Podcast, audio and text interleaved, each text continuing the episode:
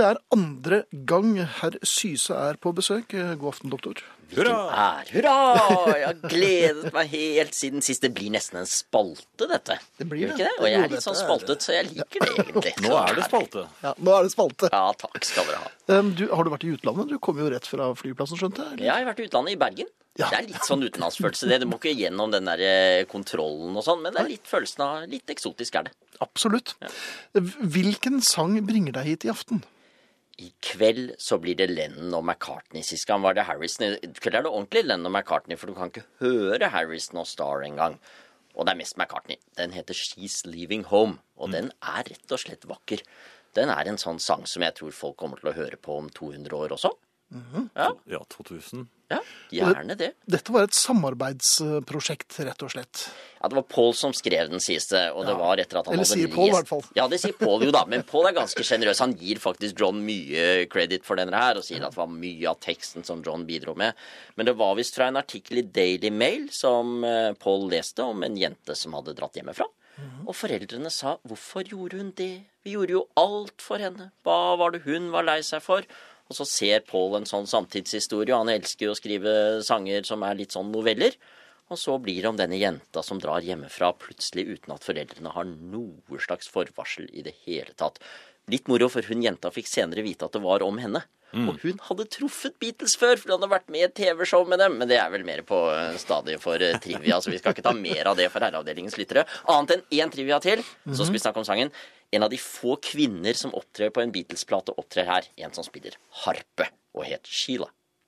Da er det sagt. Men du, dette er jo, som du sier, en liten novelle opphold. Janne snakket akkurat om dette her i sted. eh, Og Paul skrev jo låter ut fra ting han observerte, og distanserte seg litt fra teksten, mens John var mer meg, jeg. eh, høyeste grad. Og det var jo noe John ofte gjorde litt narr av. At det blir sånne mennesker som egentlig ikke eksisterer. At det blir ikke 'I love you', men 'she loves you'. Du skaper en avstand. Men det jeg tror Paul likte med det, var at du faktisk kunne treffe mennesker som kunne kjenne seg igjen i typer situasjoner. Det var ikke bare om Paul, men det var om ting som skjedde i samfunnet. Og skal vi være litt filosofiske nå, da? Eller kanskje snarere idehistoriske, Så vil jeg si at noe av det store med Beatles er at de er tidstypiske, og samtidig tidsuavhengige. Dette er en historie som forteller om 60-tallet. Den forteller om en oppbruddstid, den forteller om ungdom som gjør opprør mot sine foreldre. Men samtidig så er det en fortelling man kan gjenkjenne til enhver tid. Og ikke minst dette er det nydelige kor i bakgrunnen, som for John synger, double tracked, hvor foreldrene kommer med sine tanker. ikke sant? Det er sånne tekster som We gave her most of our lives. ikke sant? Vi ofret alt, og vi var jo så gode, og hva var gærent? Og det er, en, det er en sterk historie. Men Henrik, Den er tidløs, da. Ja, den er, det er nettopp det den er, og samtidig gjenkjenner man 60-tallet. Og det tror jeg er noe av det som kjennetegner Altså det er noe av det som kjennetegner på Grieg òg, ikke sant. Det er typisk for den tiden. Og så er det likevel noe du kan gjenkjenne i en hvilken som helst tid. Men Henrik, du sier at det er tidstypisk, og jeg er jo helt enig med deg, og jeg skjønner godt hva du øh, mener. Samtidig så vil jeg kaste inn en, om ikke en brannfakkel, så er det en øh, liten fyrstikk. Jeg mener at det er Beatles-typisk, for jeg, altså 60-tallet fulgte The Beatles, og ikke omvendt, Det er, sant, jeg. det. det er sant det. Det er jo morsomt å observere de to coverene som vi ser på disse røde og blå samleplatene, som egentlig er Please Please Me-coveret, og så er det den som skulle vært på Get Back. For i 1963 er det fire unge, ganske kortklipte mennesker, men de var radikale for sin samtid. Dette var selve barrikadestormerne. I 1969 så ser de ganske annerledes ut. Da har håret blitt trangt. Men da var de de konservative. Da var de de som folk snakket om som ja, de holder liksom litt igjen. Det er ikke Stones, vet du. Det betyr at Beatles har på en måte dratt med seg hele samfunnet. Samfunnet har nesten tatt yttersving utenom dem. Men jeg er helt enig med deg. Det er de som har, i hvert fall innenfor populærmusikken, men også mye av forståelsen av ungdommen, så har de trukket med seg mange. Ja, det, det, mener jeg jo. Særlig som jeg ble eldre, så står det tydelig og tydelig for meg. Men ja. Og så må vi jo også kunne si da, når vi skal spille denne sangen, at det rett og slett er en vakker sang. Ja. Det er en nydelig melodi. Det er et flott arrangement. Og dette arrangementet her, det er en av de tingene som gjorde George Martin sinna på Paul McCartney for en sjelden gangs skyld. De samarbeidet tett, ikke sant? George Martin som produsent og arrangør. Og så sier Paul nå har jeg en sang, den må ha strykere. Og det klarer ikke Paul å skrive selv, så gjør det. Og så har ikke George Martin tid. Han skulle lage noe for en som het Silla Black, som døde for bare noen uker siden. Og så sier du får vente til i morgen, men Paul hadde ikke tid til å vente. Så da ringer han, ringer han en kar som heter Mike Leander, som senere blir låtskriveren til Gary Glitter. Og det hadde dere ikke ventet at vi skulle nevne Gary Glitter. Nei, vi har klart å fortrenge ham i ganske mange år, helt til du kom tilbake, Henrik. det er vel en viss grunn til å gjøre, kanskje, med all respekt for Han Han hører hjemme i She's Living Home. Ja, det kan vi si. Nei, ja, han er kanskje han der The Man from the Motor, Motor Trade. Trade, Ja, den litt skumle personen. For det var jo litt av hensikten til Paul med denne teksten, at hun drar av gårde med en som ikke er helt comme il faut.